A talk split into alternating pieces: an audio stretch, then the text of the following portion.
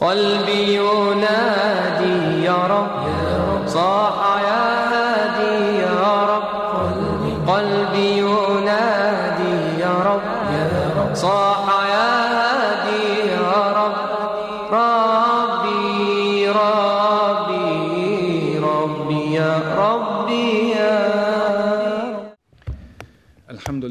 rabbil alemin, wa salatu wa salamu ala rasulillah wa ala alihi wa sahbihi ajma'in.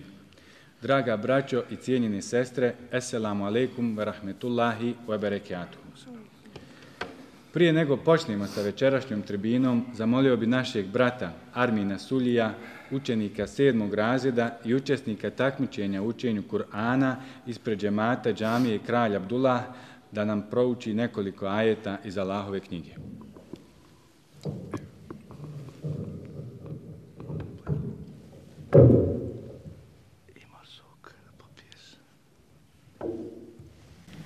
أعوذ بالله من الشيطان الرجيم.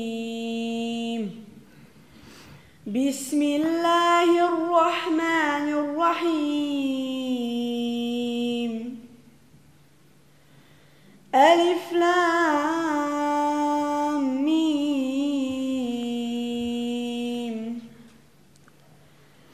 تنزيل الكتاب لا ريب فيه من رب العالمين.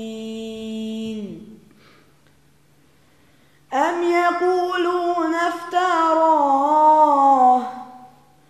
بل هو الحق من ربك لتنذر قوما ما أتاهم من نذير من قبلك لعلهم يهتدون. الله الذي خلق السماوات والأرض وما بينهما وما بينهما في ستة أيام ثم استوى على العرش. ما لكم من دونه من ولي ولا شفيع. أفلا تتذكرون؟ يدبر الأمر من السماء إلى الأرض ثم يعرج إليه ثم يعرج إليه في يوم كان مقداره كان مقداره ألف سنة مما تعدون. ذلك عالم الغيب والشهادة العزيز الرحيم. الذي أحسن كل شيء خلقه وبدأ خلق الإنسان من طين ثم جعل نسله من سلالة من ماء مهين.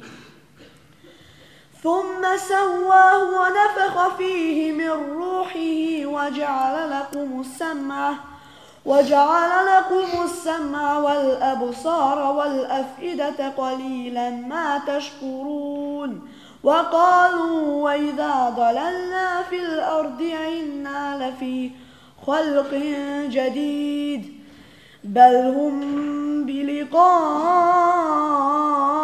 ربهم كافرون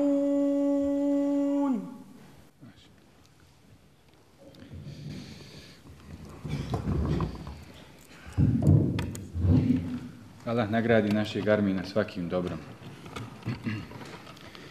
Svi mi težimo za ljepšim životom, ali mnogi od nas teško pronalazi način kako da ljepše žive. I kada pronađu ono što su godinama tražili, iznenade se koliko je to u stvari čitavo vrijeme bilo očito i blizu njih. Ljepota življenja vezana je za znanje i spoznaju, ali ne bilo koje znanje, nego ono najvrijednije i najznačajnije. To je svakako znanje o našem stvoritelju, Allahu uzvišenom i plemenitom. Posljedica ovog znanja je ljubav prema Allahu. Posljedica ove ljubavi je sreća. Jer nemoguće je da čovjek upozna Allaha, a da ga ne zavoli, kao što je nemoguće da onaj ko je blizak Allahu bude nesretan. Upravo ćemo večeras, inša Allah, govoriti o Allahu, njegovim imenima i svojstvima, kao i uticaju tog znanja na nas. Čast nam je što će nam o ovome govoriti naš uvaženi profesor Hajrudin Ahmetović. Hajrudin Ahmetović, sin Tahira i Zeynebi, rođen je 8.5.1978. godine u gradu Gračanici. Osnovnu i srednju školu završio je u svom rodnom mjestu. Nakon završene srednje škole upisuje ekonomski fakultet u Tuzli. Posle završetka druge godine studija radi prijemni ispit za školovanje na Medinskom univerzitetu gdje naredne godine i odlazi. U Medini mu neveri dvije godine provodi na Institutu za arapski jezik, a potom upisuje fakultet misionarstva i temelja vjere. Nakon četiri godine, 2006. godine, završava spomenuti fakultet sa odličnim uspjehom. Tokom svog školovanja u Medini mu neveri prisustovao je predavanjima i skupovima istaknutih islamskih učenjaka, od kojih su i Muhammed Muhtar Ešćenkiti, koji je tada komentarisao dijelo um, Umdetul Ahkam, Abdul Muhsin el-Abad, koji je tada komentarisao šest hadijskih zbirki, Hamid bin Ahmed bin Ekrem el-Buhari, s kojim se družio pune tri godine i od njega preuzeo brojna dijela sa senedom i dobio i džazetnamu da ih dalje prenosi. Od tih dijela je i muveta imama Malika, rivajet Muhameda e- bin el-Hasena el-Šejbanija. Abdul Menan bin Sahran el-Buhari, jedan od učenika šeha Ibn Usemina, s kojim se družio punih pet godina i kod njega stekao znanje iz brojnih islamskih disciplina i drugi brojni učenjaci. Nakon okončanja studija u Medini, aktivno se bavi islamskim misionarstvom i do sada je u tom smislu održao oko 3000 predavanja u raznim BH sredinama i producirao oko 1000 radio i TV emisija već više od deset godina aktivno radi na pripremi islamskog davetskog časopisa El Aser. Redovno svaki mjesec održava naučne seminare izvan BH u Švedskoj, Holandiji, Austriji, Švicarskoj i drugim džematima. Zasnovao je prevodilačku djelatnost iz koje je do sada svjetlo dana ugledalo više knjiga, između ostalih sveobuhvatni pokazatelj znanja i njegove vrijednosti od Ibn Abdilbera, Ramazanska sjela od Muhameda bin Saliha al-Usemina, razumijevanje fikskih dokaza od Ajde al-Karnija i komentar paganskih običaja od Saliha al-Fauzana. A autor je dijela Osjeti blagodati Ramazana, Žena u okrilju Islama, Dijela srca, Urok, Sihir i džinski napad, U pripremi su i dijela poput Ovo je Muhammed Allahov poslanik, upoznajte svoga gospodara kroz njegova lijepa imena, vjera je obhođenje i komentar dijela Umdetul Ahkam. Borim še.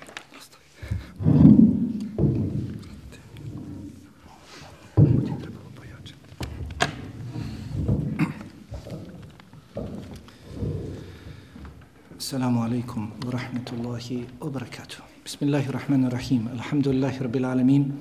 الحمد لله wa sallama wa baraka ala وبارك Muhammad wa ala alihi wa ashabihi ajma'in. Allahumma la ilma lana illa ma 'allamtana innaka antal alimul hakim. Allahumma 'allimna ma ينفعنا وانفعنا bima علمتنا wa zidna ilman ya العالمين alamin. Sva slava i hvala pripadaju samo Allahu Jalla wa ala. Neka je slava i hvala uzvišenom Allahu onolika kolika je njegova veličina i koliko samo njemu Allahu subhanahu wa ta'ala i dolikuje. Neka je salavat i salam na Allahovog poslanika i miljenika Muhammeda Mustafa sallallahu alaihi wa sallam, na njegovu časnu porodicu, sve njegove drugove ashabe i sve one koji ga dosljedno slijede do sudnjega dana. A zatim razmišljati i govoriti o lijepom životu, nakon toga raditi na njegovom postizanju i ostvarenju potreba je svih nas, svih ljudi bez izuzetka. Lijepim životom želi živjeti sve jedan od nas. Nema ni jednog, a da ne želi živjeti lijepim životom, makom bio, dobar ili loš, vjernik ili nevjernik, muškarac ili žena, mladi ili stari. Svaki od nas želi živjeti lijepim životom jer imamo samo jedan život. Želimo živjeti lijepim životom jer imamo samo jedan život, a ne znamo koliko dugo ćemo ga živjeti. U osnovi naš životni vijek je kratak, je li tako? Koliko uzmemo u obzir san, koliko spavamo, koliko uzmemo u obzir bolest i slične situacije. Stoga je na svakom od nas da se maksimalno potrudi da svoj život provede u dijelima, postupcima koji su vrijedni življenja. Veliki broj ljudi u poznim godinama, kada izgube snagu, moć, mogućnost da se promijene, naročito kada im nastupi smrt, snebiva se i duboko žali na svoja dijela i postupke koji su činili u svome životu, koji su tog njihova života skrenuli u smjeru kojeg oni nisu priželjkivali. Doživjeti duboku starost, izgubiti snagu, sposobnost, moć, dočekati smrt i ustanoviti da si svoj život prokockao, to je nešto najstrašnije što se može desiti čovjeku. Na samrti da ustanoviš da si loše živio, da si svoj život prokockao, to je nešto najstrašnije što nam se može desiti. Svi mi želimo živjeti lijepim životom. Međutim, šta znači lijep život? U čemu se ogleda ljepota mog, tvog života i života svih nas? U čemu, kako, na koji način da provedem svoj život pa da se tih zadnjih trenutaka ne snebivam? Da se ne žalostim, da ne tugujem, da ne plaćem nad svojim životom, nad svojim dijelima, da ne budemo od onih koji bi priželjkivali jedan dan, samo jedan dan ili makar dio dana, da još ostanu u životu, pa da čini dobra djela. Islamski, a i drugi učenjaci, kažu da se pod lijepim životom misli na sreću, da živiš sretno, da si sretan sa svojim načinom života. Kažu, misli se na zadovoljstvo, da si zadovoljan svojim životom, da si zadovoljan s onim što imaš pri sebi. Kažu, misli se na sigurnost, da si siguran za svoj život, da ne iščekuješ, ne strahuješ svakog trena da bi mogao izgubiti glavu. Kažu, pod lijepim životom misli se na rahatluk duše, na smirnost, spokojnost srca, na imetak, na obskrbu. Dakle, pod lijepim životom misli se na sreću, zadovoljstvo, sigurnost, rahatluk duše, da imamo dovoljno imetka, da smo zadovoljni tim imetkom, to je lijep život. I to je ono što zasigurno čemu sve jedan od nas teži. Svaki od nas želi odstraniti tegobu, tjeskobu iz svojih prsa, divljinu, uznemirenost, rastrešenost, strah. Zasigurno svi mi težimo lijepom životu. Svima nam je cilj isti. Međutim, svjedoci smo da odabiremo razne načine, puteve u nadi da dođemo do tog lijepog života. A odmah na početku da kažem, put koji vodi do lijepog života, sretnog života, samo je jedan. Put koji vodi do lijepog i sretnog života, do sreće, zadovoljstva, sigurnosti, spokojnosti, rahatluka, zadovoljstva obskrbom, samo je jedan. Zato većina ljudi je nesretna. Zato je većina ljudi nesretna jer većina ljudi ne ide tim putem. Većina ljudi odabire put, odabire način koji ih odvodi do nesreće, ne do sretnog života, već do nesreće. Odvodi do tegobe, tjeskobe, odvodi do rastrešenosti, uznemirenosti, pokidanosti srca troše svoje imetke, ulažu svoje imetke, provode svoje živote, kažu da su sretni, obmanjuju samo sebe, lažu se. Obmanjuju. Posežu za alkoholom, posežu za opojnim drogama, posežu za nemoralom da bi makar kratko, prividno uživali. Mi ne želimo takav život. Taj život nije lijep. To su noćne more poslije. Mi želimo da uljepšamo svoj život istinski i da takav život živimo i s takvim životom odemo sa ovoga svijeta. Umremo na takvom životu. Put koji vodi do lijepog života je jedan. I onaj koji želi da uljepša svoj život neminovno mora ići tim putem. Ne smije odabirati druge puteve. Put koji vodi do lijepog života je samo jedan. Ako hoćeš da uljepšaš svoj život, da, lijepiš, da živiš lijepim životom, srećnim, zadovoljnim, sigurnim, smirenim, spokojnim, moraš da ideš ovim putem. Lijep život trebaš tražiti i možeš postići samo bolan od onoga koji ti je i dao život. Lijep život se može postići samo kod onoga i od onoga koji ti je dao život. Da tražiš lijep život slušajući savjete, smjernice, upustva, naredbe, zabrane nekoga drugog koji ti nije dao život, a zaboravljaš onoga koji ti je dao život i koji će ti ga kasnije uzeti, to je put koji ne vodi do lijepog sretnog života. Lijep život samo je u pokornosti Allahu Đalavala. Onaj koji želi da uljepša svoj život, treba da se vrati Allahu subhanahu wa ta'ala koliko može, maksimalno. Allah dželle vala prejasno kaže u 97. ajetu sure Nahl Men amila salihan min zekerin aw unsa wa huwa mu'minun falanuhyiyannahu hayatan tayyibah." Onaj koji bude činio dobra djela, bio muškarac ili žena, svejedno. I muškarcima i ženama se obećava lijep život. Onaj koji bude činio dobra djela, bio muškarac ili žena, a vjernik je u Allaha, mi ćemo mu dati da zasigurno živi lijepim životom. Zato, ako želimo da živimo lijepim životom, požurimo ka Allahu subhanahu wa ta'ala sa dobrim dijelima, sa dijelima pokornosti, našem stvoritelju, koji nas je stvorio, koji nam je dao ovaj život.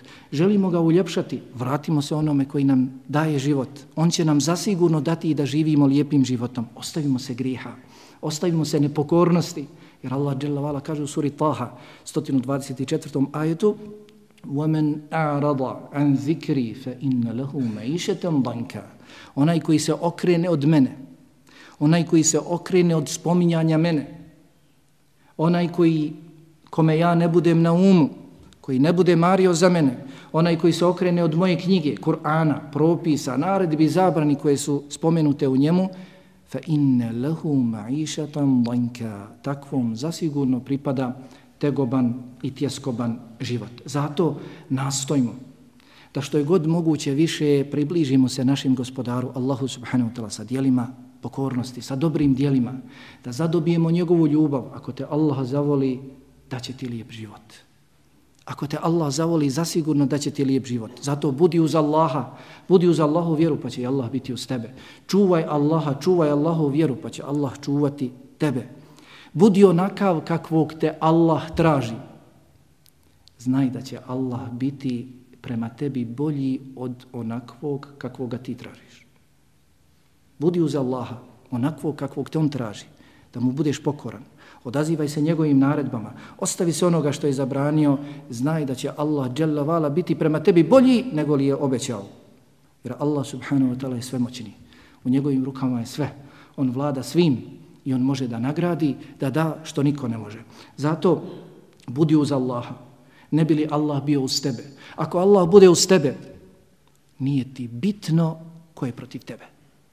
Ali ako Allah ne bude uz tebe, kogod da je uz tebe ne može ti pomoći. Budi uz Allaha dželle vala jer ako Allah bude uz tebe pa ti podari svoju ljubav, znaj da ništa nisi izgubio. Ali ako te prođe Allahova ljubav, ako ne zadobiješ Allahovu ljubav, znaj da ništa nisi postigao, makar imao i imao. Ako zavoliš Allaha, znaj da će te Allah zavoljeti još više.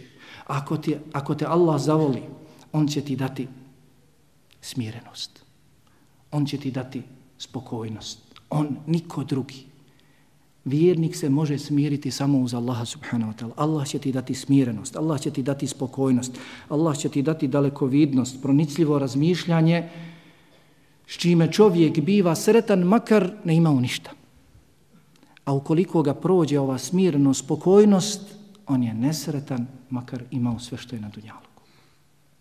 Ova smirenost, ova sreća, smireno, spokojnost, rahatluk duše, zasigurno je jedan od razloga lijepog života, sretnog života. Ali nemojmo zaboraviti da je to rezultat samo Allahove ljubavi. Tu smireno, spokojnost, sreću ne možeš postići ničim drugim. Samo ako budeš istinski volio Allaha i Allah bude volio tebe. Ako budeš volio Allaha i Allah zavoli tebe, Allah će te učiniti zadovoljnim Podarit će ti svoje zadovoljstvo, pa ćeš biti zadovoljan sa svojim načinom života. Bićeš zadovoljan s onim što imaš, bićeš zadovoljan sa svojom porodicom, bićeš zadovoljan s onim, sa onima koji su oko tebe. Zadovoljstvo, dobro nam je poznato, je neophodno za sretan život. Ako nisi zadovoljan, na mnogo šta se srdiš, negoduješ, ne bivaš, tvoj život nije sretan. Ali nemoj zaboraviti da je zadovoljstvo opet rezultat samo Allahove ljubavi, tako mi je Allaha djelavala. Kada bismo mogli da otvorimo prsa vjernika koji je istinski zadovoljan Allahom i svim onim što dolazi od Allaha subhanahu wa ta'ala, našli bismo u njegovim prsima sreću koja kada bi se podijelila na stanovnike Tuzle bila bi dovoljna. Kako da ne? Kada Allah djelavala i kaže inna salate tenha anil fahšai wal munker wala zikru Allahi akbar. Poznato vam je značenje ovog kuranskog ajta. Doista namaz odvraća od razvrata i loših dijela. Od koristi tvoga namaza, ukoliko ga klanjaš iskreno radi Allaha jalla ve ala, imaš korist da će te taj namaz, iskreno obavljan namaz Allahu subhanahu wa ta'ala odvratiti od razvrata, odvratiti od loših dijela. A to što spominješ Allaha, to je već od svega to što se odazvao Allahovoj naredbi, pao njemu na seđdu da dotakneš nebesa, da dotakneš arš Allaha dželavala, to je veće od svega. Pojedini komentatori spominju drugo značenje ovoga ajeta, prelijepo značenje, pa kažu doista namaz odvraća od razvrata i loših dijela. Imaš od toga korist, ali za tebe je veća korist vole zikrullahi leke, a da Allah tebe spomeni, to je za tebe bolje. Da te namaz tvoj odvrati od razvrata, od loših dijela brojnih, to je dobro, korisno, jer ćeš biti pitan za svoje grijehe, ali to što Allah tebe spomene, dok ti njega spominješ u namazu, to je bolje za tebe. Zašto? Zato što mi, jel tako, namaz ne možemo obavljati, a da ne spominjemo Allaha, da ne učimo Fatihu i Allaha dželavala u Fatihi, spominjemo njegova lijepa imena i uzvišena svojstva, spominjemo ga na ruku, spominjemo ga na seždi mi Allaha spominjemo u namazu zato što nam je to obaveza. Dok On nas spominje zato što nas voli. Zato što je zadovoljan, zadovoljan nama. Zato trudi se da se približiš svome gospodaru Allahu subhanahu wa ta'ala, da zadobiješ njegovu ljubav.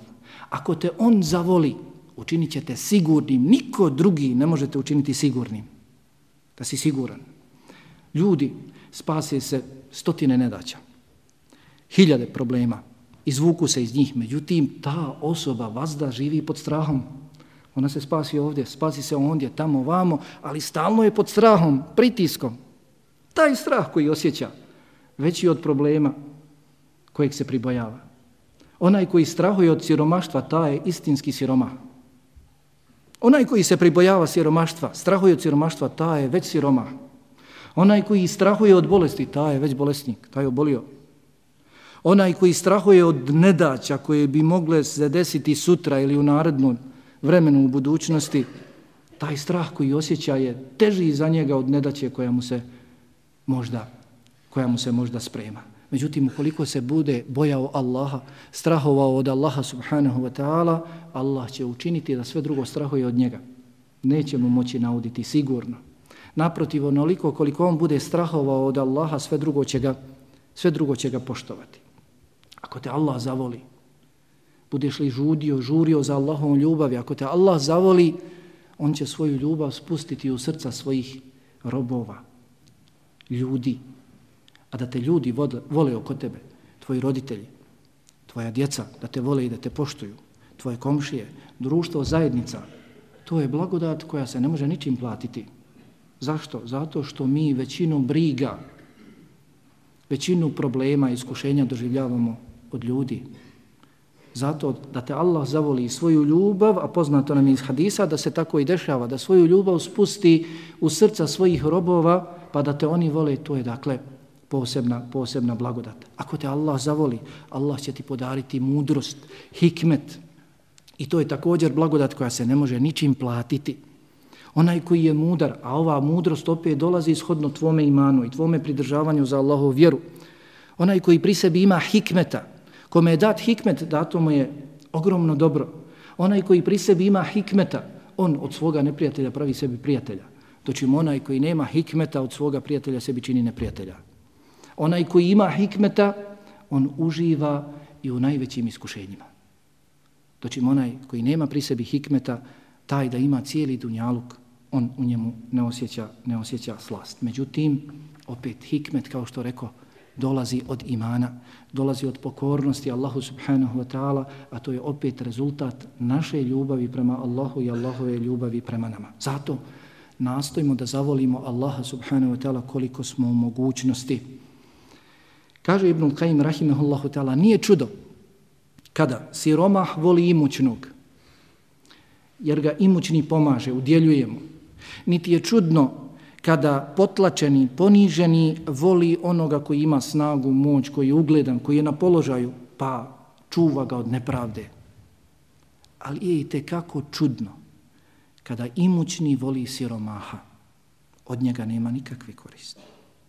I te kako je čudno kada onaj koji je na ugledu, koji ima snagu, moć, voli poniženog, potlačenog. Taj mu ne može njegovu vlast, njegovu snagu, moć nimalo uvećati. Nije čudo da volimo Allaha dželavala našega gospodara, ali je čudno da Allah voli nas. Allah nema nikakve potrebe za nama i Allah nas voli. Kada bismo upitali sve jednog od nas, sve jedno od također se stara, da li voli Allah, da li volimo Allaha, vjerujem da bismo svi mi rekli da, volimo Allah. Međutim, pitam, a odgovor neka svako ostavi sebi. Može li se neko voljeti, a da se ne poznaje? Da li se nešto može voljeti što se ne zna? Koliko znamo Allah? Koliko poznajemo Allah? Kažem, stalno ponavljam, da jednom shvatimo koje nam je znanje najpreče, šta trebamo učiti. Kada bi sada neko ušao i kaže, momci, djevojke, fino, lijepo ste se okupili, lijepo se to obhodite, ponašate, ali bih volio da mi pričate samo pet minuta o vašem gospodaru kojem padate na seđdu. Ko je vaš gospodar? Objasnite mi. Hoću da slijedim islam. Hoću i ja da budem od klanjača. Kome padate na seđdu? Ko je vaš gospodar? Spomenite mi njegova imena, osobine ako ne svi, velika većina bi zakovala. I kako onda da naša ljubav bude iskrena, istinita prema Allahu subhanahu wa ta'ala? Težimo džennetu, je li tako? Slušamo, čitamo o džennetu. Naprotiv, da nam je da dođemo do najvisočijih predijela u džennetu. Želimo društvo Allahovog poslanika Muhammeda sallallahu alaihi wa sallam. Sanjamo, na dunjaluku ne vidimo, ali na ahiretu sanjamo da gledamo Allaha subhanahu wa ta'ala, da nam to bude ostvarenje, da gledamo plemenito lice Allaha subhanahu wa ta'ala. Međutim, koliko se trudimo da uđemo u džennet na dunjaluku. Koliko se trudimo da uđemo u džennet na dunjaluku. Postoji džennet na dunjaluku? Postoji džennet na dunjaluku. Ibn Taymiye, rahimehullahu ta'ala, kaže Na Dunjaluku postoji džennet ko ne uđe u njega, neće ući ni u džennet na ahiretu. Na Dunjaluku postoji džennet i onaj koji ne uđe u njega, taj neće ući ni u džennet na ahiretu. Kada je bio upitan, a kakav je to džennet na Dunjaluku, šta je to džennet na Dunjaluku, rekao je, spoznaja Allah. Da spoznaš Allaha istinski,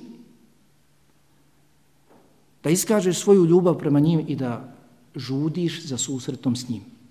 I njegov učenik Ibn al-Qaim rahimehullahu ta'ala kaže, kako do te ljubavi? Kaže, niko nije upoznao Allaha dželle kroz njegova lijepa imena i uzvišena svojstva, a da ga nije neminovno zavolio. Niko neće upoznati sa Allahom dželle kroz imena i svojstva kojima se sebe nazvao ili opisao u Kur'anu ili ga je tim imenima i osobinama opisao i nazvao njegov poslanik Muhammed sallallahu alaihi sallam u vjerodostojnom hadisu, a da nije zavolio Allaha dželle Druge prilike, kaže Ibn Taymiye rahimehullahu ta'ala o onima koji cijeli svoj život provode na ovome svijetu provode u gomilanju imetka, dunjaluka. Kaže za njih miskini, jadnici, cijeli svoj život proveli su u gomilanju dunjaluka i metka, a otišli su i odlaze sa ovoga svijeta, a da nisu probali ono što je najvrijednije na ovom dunjaluku, ono što je najvrijednije od dunjaluka.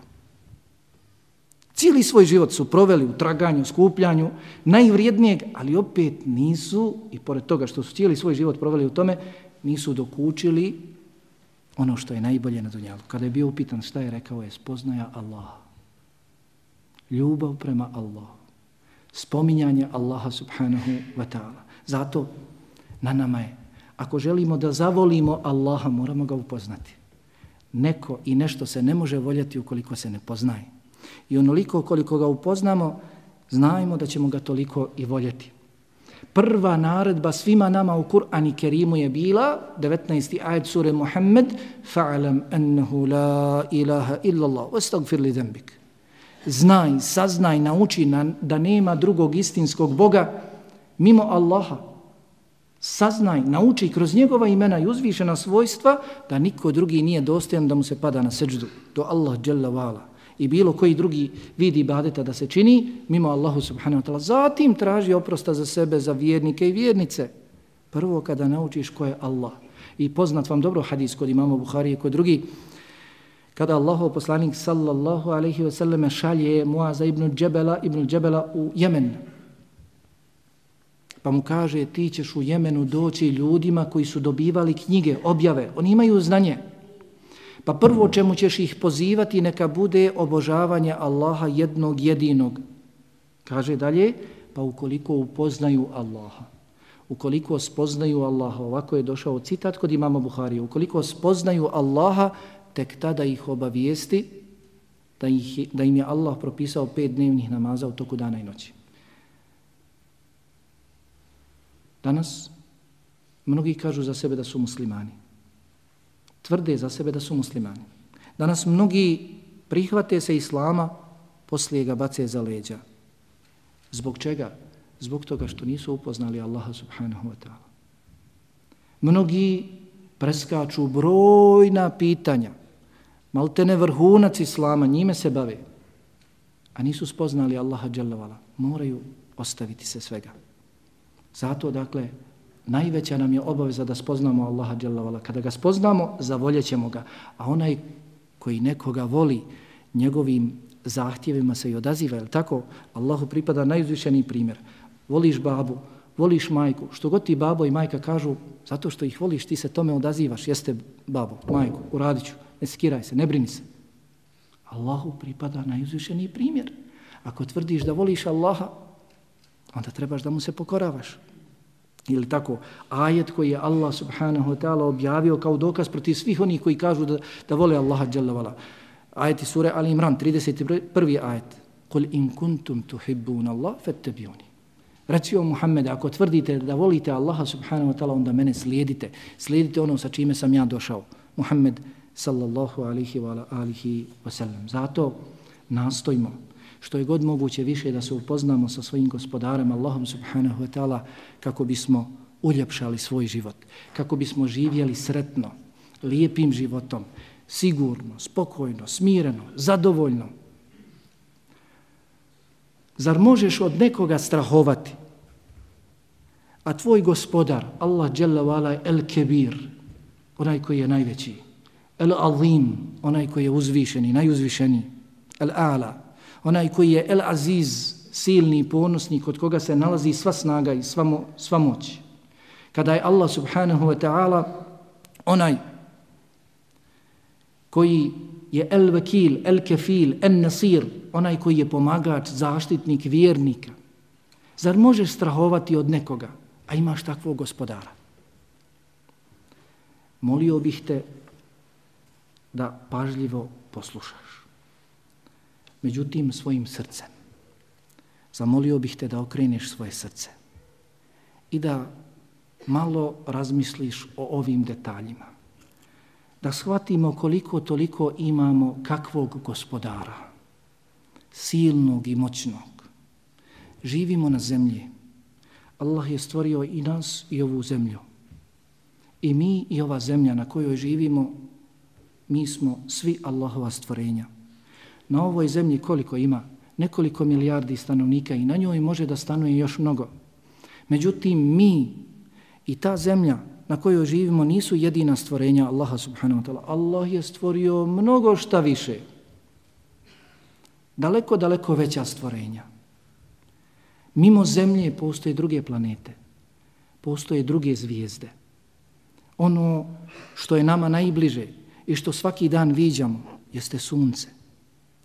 Tamo smo učili u geografiji, je tako? I u drugim oblastima. Koliko je samo sunce veće od zemlje? Mi hodamo po zemlji i to nam je možda nešto najbliže i to je ono što osjećamo, doživljavamo, plaho ne gledamo na druge. Kaže se da zapremina, volumen sunca je milioni tri stotine hiljada puta veća od zapremini zemlje. To jest ova zemlja na kojoj mi živimo i pogledajmo kolika je i koliko nas živi i koliko još može da živi na njoj. Takvih milion i tri stotine hiljada zemlje može stati u sunce. A Allah je stvorio i sunce. I sunce opet nije najveća zvijezda u ovoj našoj galaksiji. Postoje zvijezde koje su veće stotine puta od sunca. Tamo se spominje zvijezda Deneb, Deneb koja je 145 puta veća od sunca. 60.000 puta sjajnija od sunca. Druge zvijezde, Antares, 530 puta veća od sunca. I druge, 1500 puta veća od sunca. Međutim, takvih zvijezdi treba, milioni, milioni takvih zvijezdi treba da imamo jednu galaksiju. Je tako? A kaže se u ovom vidljivom svemiru koji se može vidjeti ima stotinu milijardi galaksija. Sve je to Allah stvorio. Pa se kaže da u ovom vidljivom svemiru ima više zvijezda nego li što ima pješčanih zrna na zemlji. Sve je to Allah stvorio. I to je opet samo na ovom prvom nebu kojeg vidimo. To je samo ovo prvo nebo kojeg vidimo. Allah je stvorio takvih sedam nebesa. Alladhi khalaqa sab'a samavatin tibaqa. Neka je uzvišen onaj koji je stvorio sedam nebesa jedno iznad drugoga. Kaže Ibn Abbas radijallahu anhuma između svakog neba je razmak, udaljenost pet stotina godina od prvog do drugog 500 godina, od drugog do trećeg 500 godina, od trećeg do četvrtog i tako između svakog 500 godina iznad sedmog neba je Allahov kursi. A došlo je u vjerodostojnom hadisu da primjer ovih sedam nebesa i zemlja, a pogledajmo dakle šta imamo na prvom nebu, koliko tih galaksija i koliko zvijezda, primjer tih sedam nebesa sprem Allahovog kursija je poput halke prstena bačene u prostranoj pustinji. Sedam nebesa. Čuli ste samo na prvom nebu šta ima. I takvih sedam nebesa. I tih sedam nebesa sprem Allahovog kursija je poput prstena bačenog u pustinji najvećoj pustinji. Uzmite Sahara ili Antarktik. Sahara, koliko kažu, 9 miliona kvadratnih metara da je površina Sahara. Antarktik još veći, 13 i 800. Primjer sedam nebesa sprem Allahovog kursija je poput prstena bačenog u nepreglednoj pustinji, najvećoj pustinji. Zatim iznad kursija dolazi arš Allaha dželavala, prijesto prijesto Allaha subhanahu wa ta'ala, arš spram kursija. Allahu poslanik alihi sallam dalje u hadisu poredi pa kaže kursi je sada poput prstena, a arš je poput pustinje. I Allah jalla vala iznad arša. La ilaha illallah. I od koga onda da strahuješ? Imaš ovakvog gospodara koji je stvorio tebe negdje tamo daleko od tebe stvorio daleko veća stvorenja i njih održava i njima upravlja. Gospodar je i tvoj i njihov. Od koga da strahuješ? Zar da strahuješ od nekog neprijatelja? Zar da strahuješ, imaš ovakvog gospodara, zar da strahuješ za svoju obskrbu, za svoju nafaku, a ovako silni, moćni, uzvišeni, snažni, El Qadir, Allah dželle Vala, obavezao se i svoje dobrote da će nas sve hraniti. Dakle, ne samo nas na zemlji, već sve. Sva ova stvorenja. Pa ti pojedinac da se žališ na obskrbu, Allah dželle Vala se obavezao da će te hraniti. Kaže dželle Vala, o fissema i rizkukum vama tuadun. Na nebesima, kod Allaha se nalazi vaša obskrba i ono što vam se obećava. Drugi svijet, džennet, džahnem, To je istina, kaže Allah subhanahu wa ta'ala, fa wa rabbi sama'i wal ard, innahu la haqqun misle ma ennekum tentikun. To je istina. Znate koliko, tako mi gospodara nebesa i zemlje, to je istina. Znate koliko, kao što je istina da govorite. Ili istina da govorimo, čujemo jedni druge? Isto tako, istina je da je obskrba naša kod Allaha subhanahu wa ta'ala. Zato nemoj da se snebivaš. Nemoj da se brineš ni za svoje grijehe. Silni, svemoćni, kadar je učiniti sve. I oprostiti ti svaki grijeh. Zaštititi te od svakog neprijatelja. Dati ti obskrbu, makoliko dugo živio. Oprostiti ti makakav imao grijeh. Nemoj nikada zaboraviti da je Allah Jalla Vala Ar-Rahman, Ar-Rahim, onaj koji je svemilostiv, svemilosni, nema stvorenja da ga je stvorio, a da nije milostiv prema njemu. Drži ga u životu. Harani ga. Spominje se, jeli, kada je Musa, alihi salatu sam, izašao sa svojim narodom, bježeći od faraona, pa su hodali pustinjom, lutali, pa je narod zatražio obskrbu. Nemaju šta da jedu.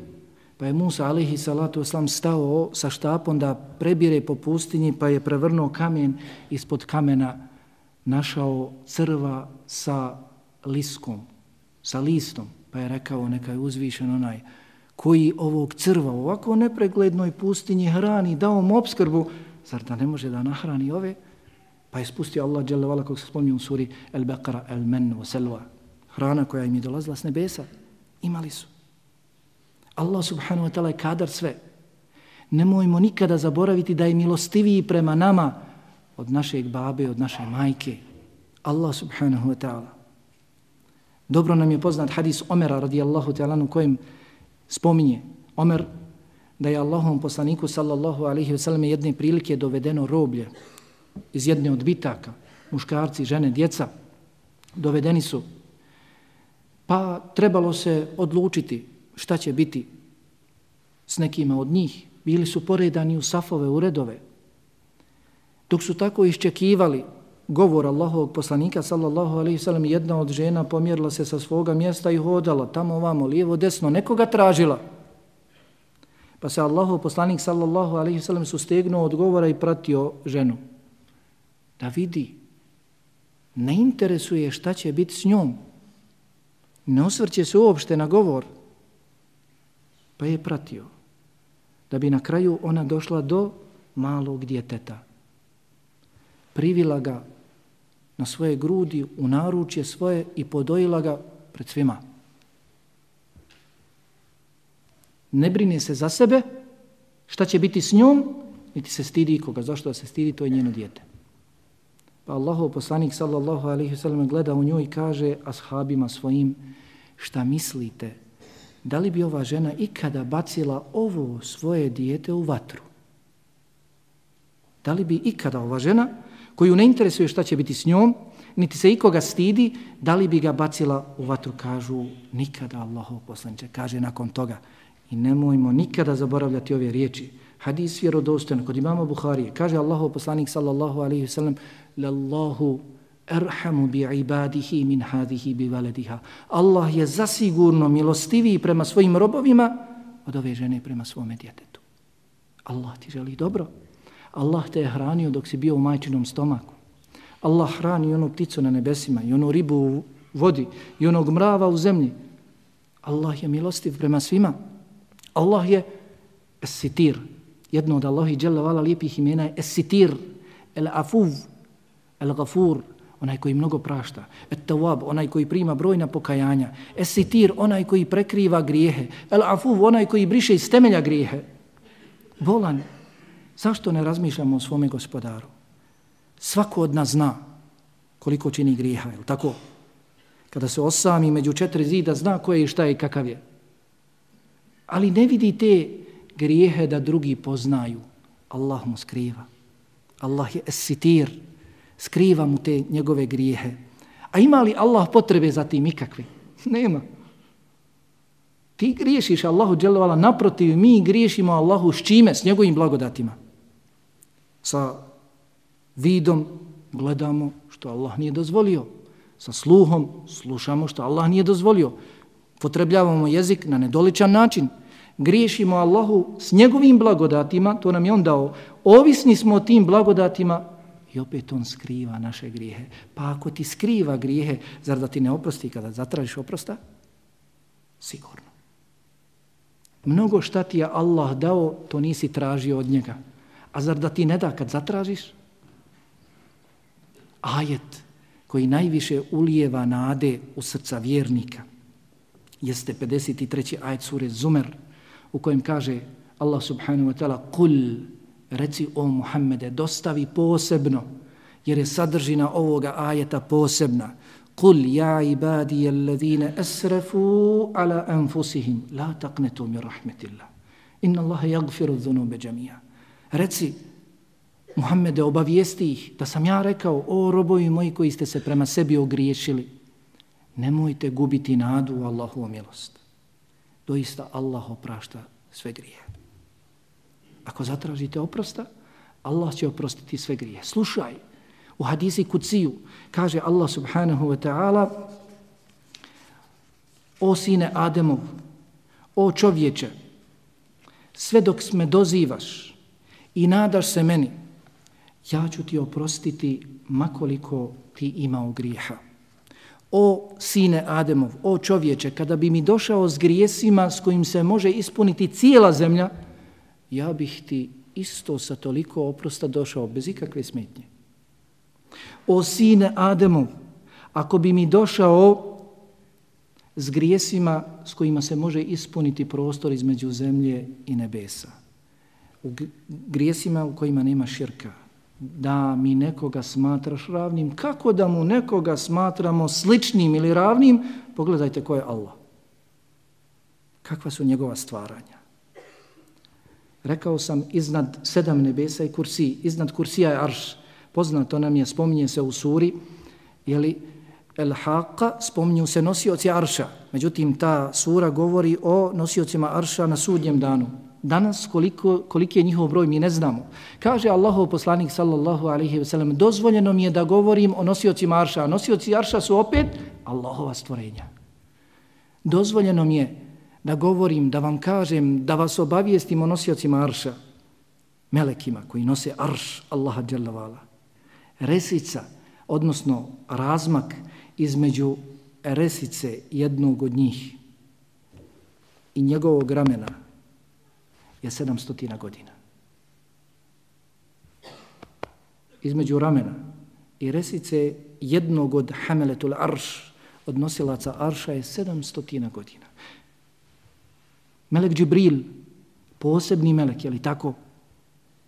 Allah ga je stvorio sa 600 krila.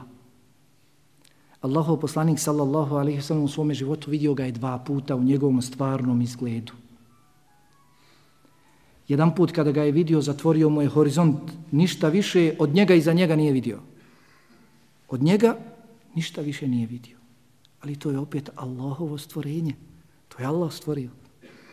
Kada je takvo stvorenje, kakav li je gospodar i njegov stvoritelj?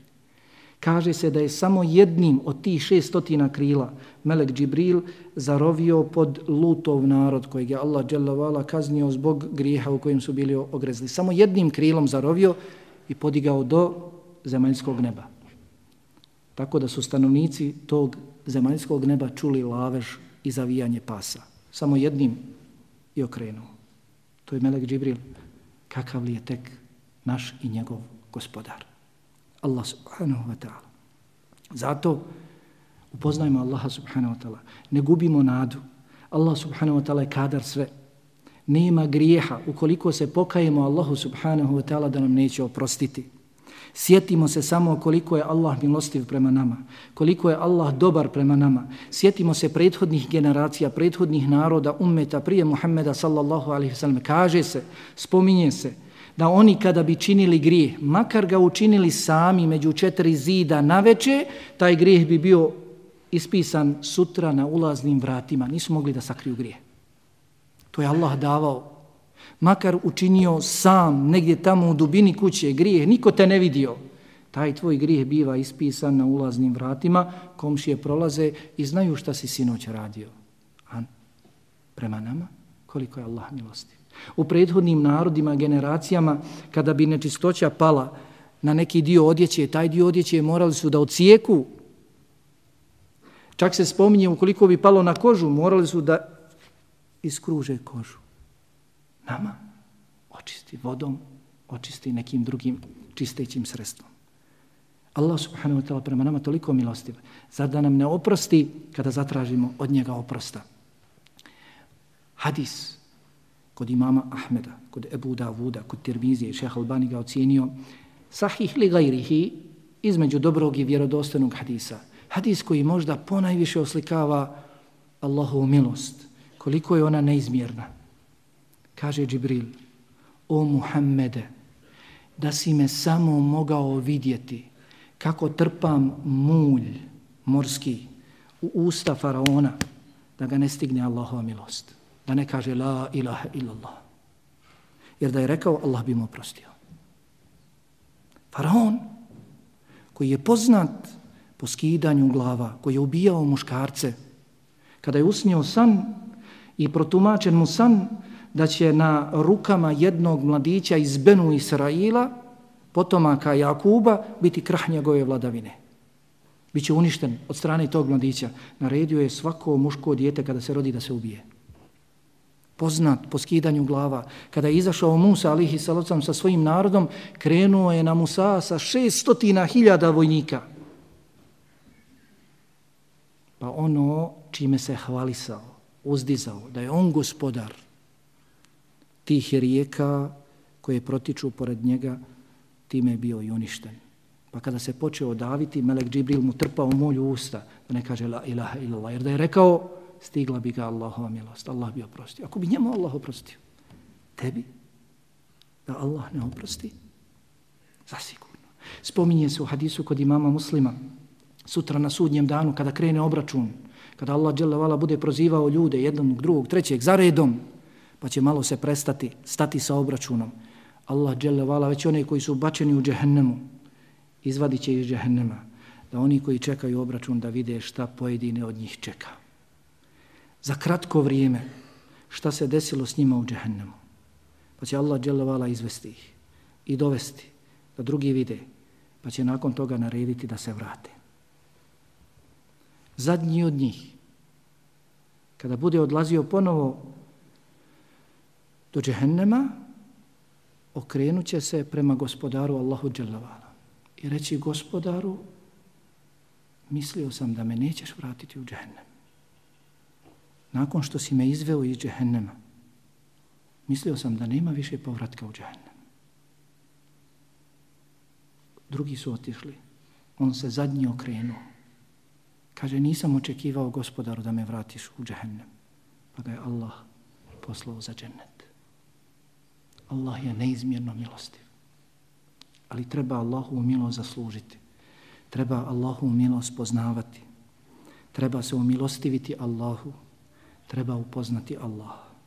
Mi smo svjesni kakvog divnog gospodara imamo, kakvu divnu vjeru imamo, na kakav način možemo provesti i u čemu svoj život, kako lijepo živjeti u pokornosti ovakvom gospodaru, Allahu subhanahu wa ta'ala. Zato nastojimo što je god moguće više da zavolimo svoga gospodara sa njegovim čestim spominjanjem. Kako da tvoja tvrdnja da voliš Allaha bude istinita, ali spominješ ga često. Allahu pripada najzvišeniji primjer. Babu, majku, voli, ženu, djecu, pogotovo, je li tako? Stalno ih spominješ, ne ispustaš iz usta. Allaha dželle vala trebali bismo još češće, jer bez njega ne možemo nikoliko je treptaj oka.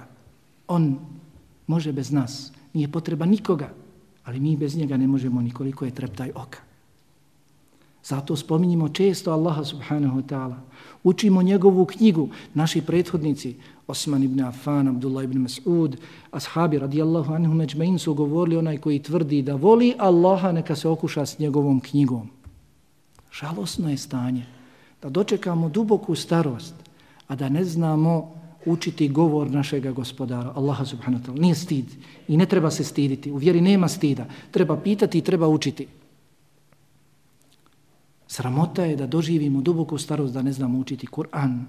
Kur'an je najveći dokaz koliko volimo Allaha subhanahu wa ta'ala. Onaj koji tvrdi da voli Allaha ne može ostati ravnodušan. Sutra već ide da uči Kur'an. To je govor moga gospodara. On je govorio o njime. Hoću ja da govorim govorom svoga gospodara Allaha subhanahu. Prijevod nije Kur'an. Prijevod je samo pokušaj prijevoda čak. Zato nema se vapa onih. Zato, zatim time nema približavanja Allahu dželovala. Dobro djelo općenito. Ali Allahov govor to nije. Nastojimo što je god moguće više da činimo nakon obaveznih namaza. Musliman ne može biti bez namaza. Nakon obaveznih namaza da činimo što je god moguće više dobrovoljnih namaza u hadisu kod Buhari i kod drugih. Allah dželevala u hadisi kod Ciju kaže ničim se moj rob ne može više približiti i meni dražim kao što mi se može približiti obaveznim ibadetima. A zatim neće prestati približavati im se na filama, dobrovoljnim ibadetima, dobrovoljnim namazom sve dok ga ne zavolim. To je ono što hoćemo. To je ono, to je ono što tražimo. Zatim, kratko, za kraj, par još nekoliko savjeta. Nemojmo se za, žalostiti za onim što nas prođe. Znaj, ono što te je prošlo, nije te moglo zadesiti. Ono što te zadesi, nije te moglo mimo ići. Nemoj se žalostiti za onim što te prođe i nemoj se žalostiti i strahovati od onoga što ti se obećava što će doći. Ono što te zadesi nije te moglo mimoići i ono što te mimoiđe zasigurno nije te moglo zadesiti. Nemoj se pretjerano radovati Dunjaluku kojeg imaš. Ti ne znaš njegovu završnicu. Je li ona dobra za tebe? Mi nešto volimo, a ono ispadne zlo za nas. Mi nešto smatramo lošim, a ono ispadne dobro za nas. Mi ne znamo. Allah zna. Nemojmo se opterećivati zbog sutrašnjih briga. Možda te sutrašnje brige ne dođu. Nemojmo se opterećivati zbog sutrašnjih briga pa današnji dan upropaštavati, upropaštavati njima. Nemojmo se nikada snebivati i gubiti nadu. Živimo skromno. Makoliko imali u kakvom položaju bili, gledajmo one koji su ispod nas. Nemojmo gledati one koji su iznad nas, pa ćemo zasigurno, definitivno biti zadovoljni. Nadajmo se uvijek dobru i očekujemo u makakvom se stanju našli. Inne mal usri usra sa tegobom odma, u tegobi se nalazi izlaz. Nemoguće je čovjek da lijepo živi, a da ne bude iskušan, ali onaj koji lijepo živi sa Allahom, on će svatati, razumijevati iskušenja kao blagodati. Kao što je rekao Ibn Taymiye, rahimahullahu ta'ala, kao što je poznato, njegov život bio je ponajviše proveden u iskušenjima, ponajviše po zatvorima. Veliki islamski učenjak iz jednog zatvora u drugi je vođen. Na kraju kada je uveden u tamnicu u kojoj je preselio, u kojoj je umro, ostavio za sebe dijelo ispisano na toj na zidovima te tamnice, danas štampano u tri velika toma. El džavabu sahih, limen bedele din il mesih, ispravam odgovor onima koji su promijenili sa ovu vjeru. 80 puta proučio je Kur'an, u toj tamnici nakon što je zatvoren 80 puta da bi na kraju rekao kada bih ovu tamnicu mogao ispuniti zlatom u vrh i dati je onima koji su me strpali u nju, ne bih im se mogao zahvaliti. Ne bih im se mogao zahvaliti. Koju sam blagodat u ovom iskušenju doživio. Zato na takav način razumijevajmo iskušenja. Znajmo da Dunjaluk čini troje. Nada, tegoba i nagrada živimo u prvom, u nadi, znajmo da će nas nalaziti tegobe, ali te tegobe podnosimo radi, radi trećeg, radi nagrade. Zato kada nas snađu iskušenja, brige, tegobe, požurimo Allahu subhanahu wa ta'ala, recimo gospodaru moj, ne recimo gospodaru moj, ja imam veliku brigu, već reci brigo moja, ja imam velikog gospodara. I te kakvog gospodara. Molim Allaha subhanahu wa ta'ala da ove riječi koje sam kazao budu dokaz za nas, a ne protiv nas. Molim Allaha subhanahu wa ta'ala da nas učini od onih koji slušaju, a zatim slijede ono što je najbolje, da nas učvrsti i pomogne u spoznaji njega, u poznavanju njega, njegovoj ljubavi i pokoravanju njemu jednom jedinom. سبحانك اللهم وبحمدك أشهد أن لا إله إلا أنت أستغفرك وأتوب إليك. والسلام عليكم ورحمة الله وبركاته.